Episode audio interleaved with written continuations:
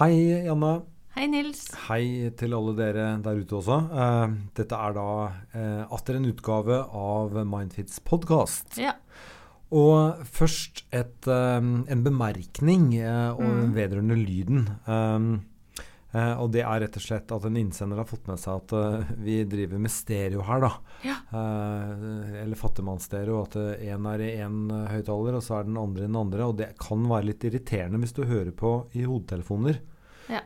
Eh, så nå prøver vi da å få litt av begge i begge. Samtidig som vi prøver å ha et slags rom. Mm. Så jeg håper dette er overlevbart når du nå sitter på T-banen og hører på dette. Det håper Ja. jeg virkelig. Men hallo, det er veldig fint å få sånne tilbakemeldinger også. Vi liker det, så det er bare å si fra hvis det er noe. Og det funker. Vi gjør nå det litt annerledes denne gangen. Mm. Vi skal gjennom eh, to spørsmål eh, denne gangen også, og Ja. vi hopper rett på det første. Jeg leser. Jeg vokste opp med såkalt emosjonell deprivasjon, altså nærmest ingen emosjonell støtte eller nærhet fra mine foreldre. De gjorde sitt beste og sørget for meg på andre områder, men var følelsesmessig ikke tilgjengelig. Jeg strever i dag med følelsen av å være mislykket og verdiløs, sliter med kronisk frustrasjon og sinne. Hva kan eller bør jeg gjøre? Hvordan kan jeg bli glad? Eh, skal vi si litt om emosjonell deprivasjon først? For jeg tenker at eh, det er noe med at når vi vokser opp, og særlig når vi er små, så er vi avhengig av at foreldrene våre kan hjelpe oss å organisere følelsene våre. Så de må hjelpe oss å gjenspeile. Altså hvis, hvis jeg som liten baby er frustrert, sant, så må jo foreldrene klare å fange opp OK, hva er det nå? Og er du sulten, er du tørst, har du våt bleie? Så foreldre som klarer å, å gjenspeile, eh, del opplevelsen, benevn det som skjer og aksepter det, det er noe som gjør at vi sånn over tid klarer sjøl å regulere oss mer og mer. Sånn at det å vokse opp med emosjonell deprivasjon, det betyr at du får ikke den hjelpen til å regulere følelsene dine. Da er det vanskeligere å skille følelser fra hverandre òg. og det gir også en veldig dyp følelse av ensomhet. Um, det er klart at det gir utfordringer som voksen. At en av de største utfordringene blir jo egentlig det å ha forhold til andre folk. ikke sant? At um, når du ikke opplever som liten at du blir tatt imot, uh, ingen hjelper deg uh, å regulere eller forstå det som skjer med deg, uh, så den verdiløsheten som denne innsenderen kjenner på, det, det blir jo litt sånn typisk reaksjon. Om det som kan skje i forhold til andre, er at du trekker deg tilbake. Du tenker at, at du kan ikke regne med andre. Det er mange som går inn i et sånt mønster. Og at en velger kanskje veldig mye overfladiske forhold til andre, og det blir vanskelig å ha en nær relasjon til andre, da. Men eh, det må jo være en del mennesker som har opplevd dette. Ja. Så, så hvordan er det man eh, altså Hvis jeg forstår det riktig nå, så, så er det holdt på å si, et poeng med foreldre. Mm. eh, nemlig at de på en måte lærer barna å tolke uh, følelser. ja. Og hvis de foreldrene ikke gjør det, så starter barnet litt på minus når det gjelder på en måte Ja. å forstå sine egne følelser. Hvordan er det man kan lære dette da? Uh, ja, det er jo òg et godt spørsmål. Uh, så, så vil jeg også si at det er nyanser her, så klart. For det som du sier, dette må jo flere ha opplevd. Det sier seg sjøl at det er grader av det her. Og at, at det handler også litt om aksept. ikke sant? Hvis du er en forelder som f.eks. ikke aksepterer sinne eller gråt, så blir det jo litt sånn at du oppdrar barnet ditt til å tørke tårene dine, gutt. ikke sant? Eller nei, du må ikke være sint nå, her er det bare lov å være blid. Sånn at det kan være enkelte følelser som du ikke klarer å regulere kontra andre. Eh, og, og det som blir eh, når du vokser opp, da, det er at du blir jo avhengig av å møte noen som kan hjelpe deg å tolke det her. Eh, og det er jo aldri for seint å få den hjelpa, tenker jeg. Foreldre kan jo òg få veiledning. Altså dette kan bli fanga opp. Det kan bli fanga opp når barna er små, på en helsestasjon eller, eller, eh, eller sånn eh, hos legen eller noe. Det kan bli en mulighet til å gå inn og hjelpe foreldre også til å lære det her. fordi ofte ser du jo at dette er foreldre som ikke sjøl har blitt møtt. Så Mm. det går nok litt i, i generasjoner òg, da. Men det, det, også, du har jo en uh, generasjon med, med, rike engelskmenn som, som, bestandig sendte barna sine på kostskole. Ja, ja. Uh, det må jo være en del emosjonelle depriverte der, der vil jeg anta. Ja. Men, men altså, la oss nå si at uh, man vokser opp slik. Altså uten Med noen foreldre som ikke viser følelser til barnet sitt, f.eks. Ja. Altså, hva er det man går glipp av? jeg tror du går glipp av altså det, det, som kan skje en del, er at du får veldig sånn tomhetsfølelse. Altså, hva er meninga, hvis du skjønner? Og når du er sammen med andre òg, så skjønner du ikke helt altså, En har ikke lært seg helt å dele følelser heller. Kanskje en ikke klarer å gjenkjenne følelser når de kommer heller. Uh, sånn at det, det blir en sånn ensomhet som kan utvikle seg. Absolutt. Og det blir vanskelig å være i noe forhold òg, så andre reagerer også på måten du er på. ikke sant? Ja, fordi at man vil være overfladisk, ikke fordi at man vil være overfladisk. Nei, men fordi man ikke kjenner det, ikke noe annet. Nei, en kjenner ikke noe annet. Så det å dele med andre er veldig uvant, og så ser en ikke helt poenget heller, fordi en har jo ikke blitt møtt på det. Sånn at en må lære seg litt at det er faktisk et poeng med det. Men det finnes ikke kurs eller noe sånt da? Ja, altså det er jo det er litt sånn ulikt hvor du er hen i utviklingstrinnene her, da. For det fins absolutt kurs for foreldre. Uh, der de kan lære seg å møte ungene sine. Det er jo blitt veldig populært uh, å veilede foreldre med noe som heter trygghetssirkel. Og det betyr at de, de, skal lære seg å forstå. Altså barn trenger en trygg uh, base. De trenger og en trygg havn. Det betyr at de trenger en base de kan utforske verden ut fra. Og når de møter noe i verden som frustrerer dem, gjør dem redde eller, eller uh, betyr at de trenger foreldrene igjen, så må du også klare å være en trygg havn som tar imot dem igjen. Og sånne type veiledningsgrupper i de her trygghetssirklene, det blir arrangert over hele landet, faktisk. Sånn at det er ikke noe vanskelig å få hjelp hvis du er foreldre som kanskje tenker at du trenger den. Det kan du også du trenger jo ikke på et vis ha veldig store problemer med det her for å kunne tenke at dette trenger du litt hjelp og støtte til å gjøre på en bra måte.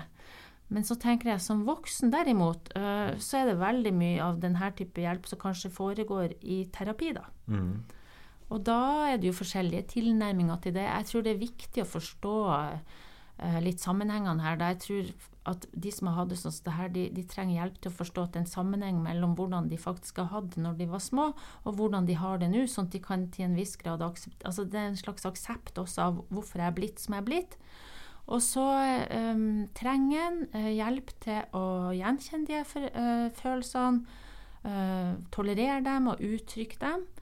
Uh, og så tror jeg, for det som denne innsenderen sier, at du får også veldig mye sånn negative antagelser, at du kan få god hjelp også med å jobbe med de her negative levereglene.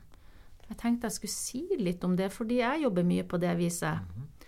For det er noe som heter den kognitive diamant. Mm -hmm.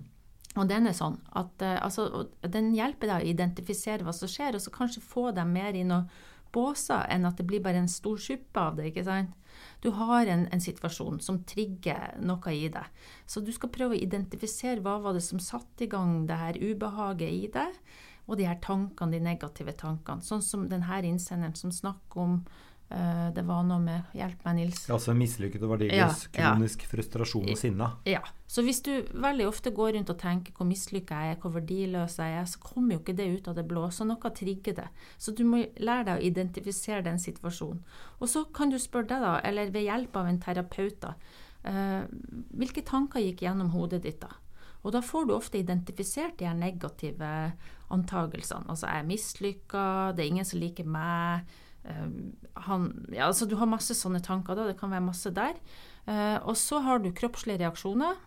Altså i kroppen så blir du stressa kanskje, eller du blir litt sånn tung. Mange sier at de blir litt sånn tung eller tom i kroppen når de får det sånn. Og så har du følelser knytta til det. Altså at du blir Og her er det jo en utfordring for de som ikke vet så mye hva de kjenner på. sånn at det er veldig fint å, å hjelpe, få hjelp til å identifisere det. Er du trist? Er du redd? Eh, ikke sant? Hva er den følelsen som knyttes til den tanken og, og, den kroppslige uroen du har, da? Og så er det noe med hvordan du takler alt det her. Hva er trikset ditt? Mm. Og der er det, for de som har den utfordringa kanskje med at de er emosjonelt deprivert, så er triks veldig ofte å unngå. ikke sant? Nei, når jeg får det sånn, kjenner på de tankene der og har den følelsen der og sånn, nei, da trekker jeg meg bare unna. Så det blir et sånn mønster da, som ikke hjelper dem på noe vis. Og, og, ved hjelp av å identifisere de her elementene, så kan du også jobbe med å endre noe. ikke sant? Du kan endre de tankene du har om deg sjøl. Du kan endre hva du faktisk gjør. Altså utfallet av det her. Kanskje du neste gang kan prøve en annen tilnærming enn bare unngåelse. Mm. Uh, eller uh, når det gjelder de tankene, altså finnes det en mer vennligere tone du kan ha inn til deg sjøl. Jeg sier det til folk. Altså, OK, du er mislykka. OK, finnes det Hva er liksom uh, beviset ditt for at det er sant? Uh, finnes det en alternativ måte å tenke på seg sjøl på? Vil du sagt det samme til en venn? Mm. Uh, jeg prøver å lete etter en slags motkraft i dem, da. Mm. Et eller annet som på et vis kan vokse. Så dette kan ta tid. Mm. Uh, fordi Men det er, ikke, det er, ikke, sånn at det ikke er nødt til å gjøre noe med det. Nei, det virker ikke slik, egentlig. Men altså, da er det jo i hvert fall uh, altså, hvis, hvis, du har mye av det, uh, så er det terapi som er det som uh, ja, hjelper. Ja, for veldig mange. og så tenker jeg også at jeg vil si litt om sinne, fordi det er også litt typisk som mange sier til meg. Og jeg har også møtt mange som har det sånn. altså De har opplevd uh, veldig lite forståelse og støtte når de vokste opp. Og da kan det være at de ender med å, å veldig fort i, altså i, forhold til andre bli mistenksomme eller sinte eller føle seg tråkka på og sånne ting. Uh, så det er den følelsen som kommer ut først, da. Men når jeg snakker med dem og vi går litt sånn igjennom det, så viser det seg at bak der så ligger det jo egentlig en sorg. Mm. Eller andre følelser. Sånn at de må liksom lære seg å uttrykke ting på en annen måte òg, sånn at det ikke kommer ut så sterkt. Så for at mange av de plages med en sånn ensomhet, og så skjønner de ikke helt hva de gjør galt. ikke sant? Men hvis de lærer seg å kommunisere det her på en annen måte enn f.eks. bare med sinne, så blir de kanskje nærmere folk òg. Mm -hmm. mm. uh, det var det om det. Mm -hmm. uh, og da har vi også lært den kognitive diamant. Ja, og den er veldig fin. Ja. Over til noe som er um, ganske alvorlig. Jeg leser Hei, jeg er en jente på 15 år som sliter med en venn. Denne vennen har depressive tanker, selvmordstanker og selvskader seg selv. De depressive tankene denne personen har, legger den bare over på meg. Vi snakker flere timer hver dag, og jeg begynner å bli utslitt av å ha hele tiden så negative tanker rundt meg. Jeg har prøvd å kutte kontakten i en dag, men da ble tankene til denne personen verre, og den holdt på å ta selvmord. Hva kan jeg gjøre for at dette skal bli bedre?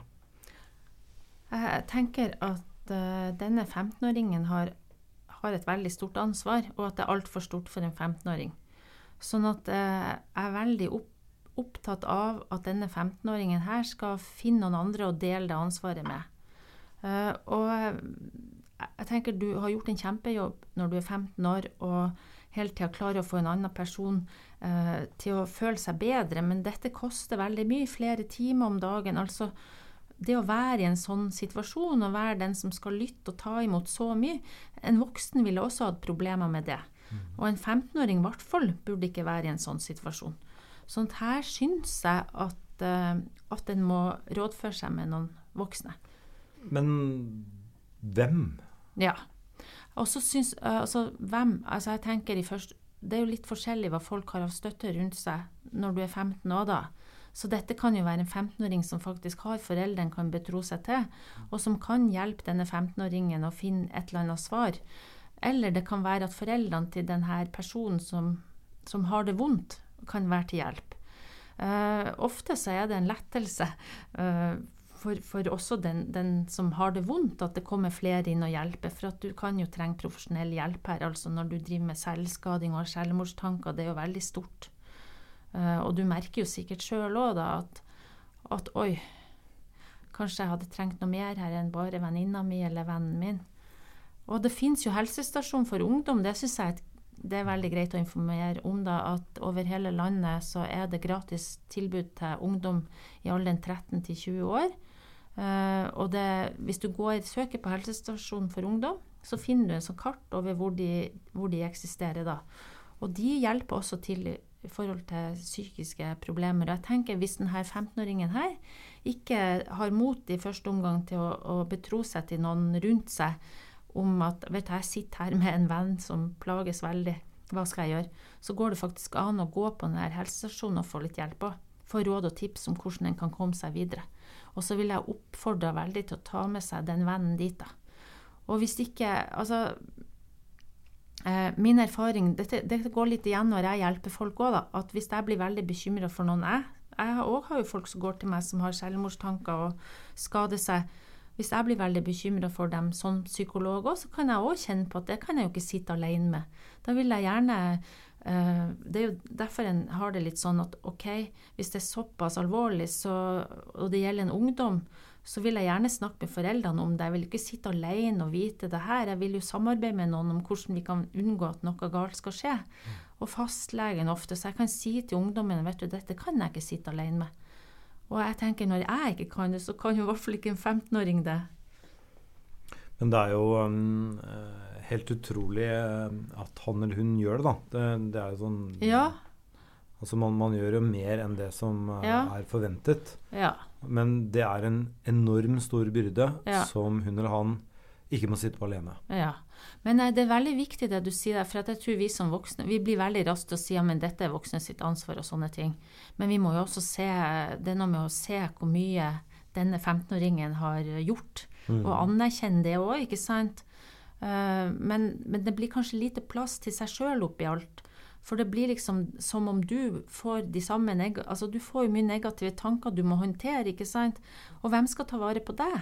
Så jeg tenker, hvordan klarer denne 15-åringen som sitter med den vennen og konsentrerer seg om skolen og ha det bra når det er sånn som det her, ikke sant? Så det blir en veldig sånn tung øh, Det kan jo ende med at denne 15-åringen også får problemer, så det er kjempeviktig å, å, å få gjort noe her som gjør at en ikke sitter alene, altså. Ja, hun, hun skriver jo at hun, hun er en jente da, eh, på 15 år. Ja. Men jeg bare tenker, altså hvis du sitter og snakker med en venn som har depressive tanker flere timer hver eneste dag, så, så øh, man trenger jo, denne jenta trenger jo en debrief Ja. nesten hver dag òg. ja, vil jeg òg tenke.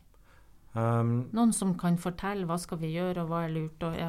men hvor var det man skulle gå inn på nettet for å lese om de ungdomsstasjonene? Du, det er bare å søke på helsestasjon for ungdom, egentlig. Jeg gjorde det, og da kom det opp. Så det var ikke noe vanskelig å finne det. Nei, da er det et veldig godt råd, Ja. og øh, veldig eh, respektfull jobb av denne jenta. Ja. Og ikke sitte og gjøre det eh, hver dag lenger alene. Nei, og så kan jeg bare si hvis det ikke finnes helsestasjon for ungdom der denne ungdommen er, så er det uansett helsesøstre på ungdomsskolen. Mm. Det skal det være. Alle ungdomsskoler har det. Det var de spørsmålene vi hadde i dag. Ja. Em, setter pris på alle spørsmål som kommer. Ja, Eh, tusen takk for alle bidrag. Vi syns det er kjempefint at folk fortsetter å sende inn spørsmål. og eh, vi skal altså besvare alle som vi kan. Det skal vi gjøre. Så vi høres snart, vi. Ha Ja. det bra. Ha det.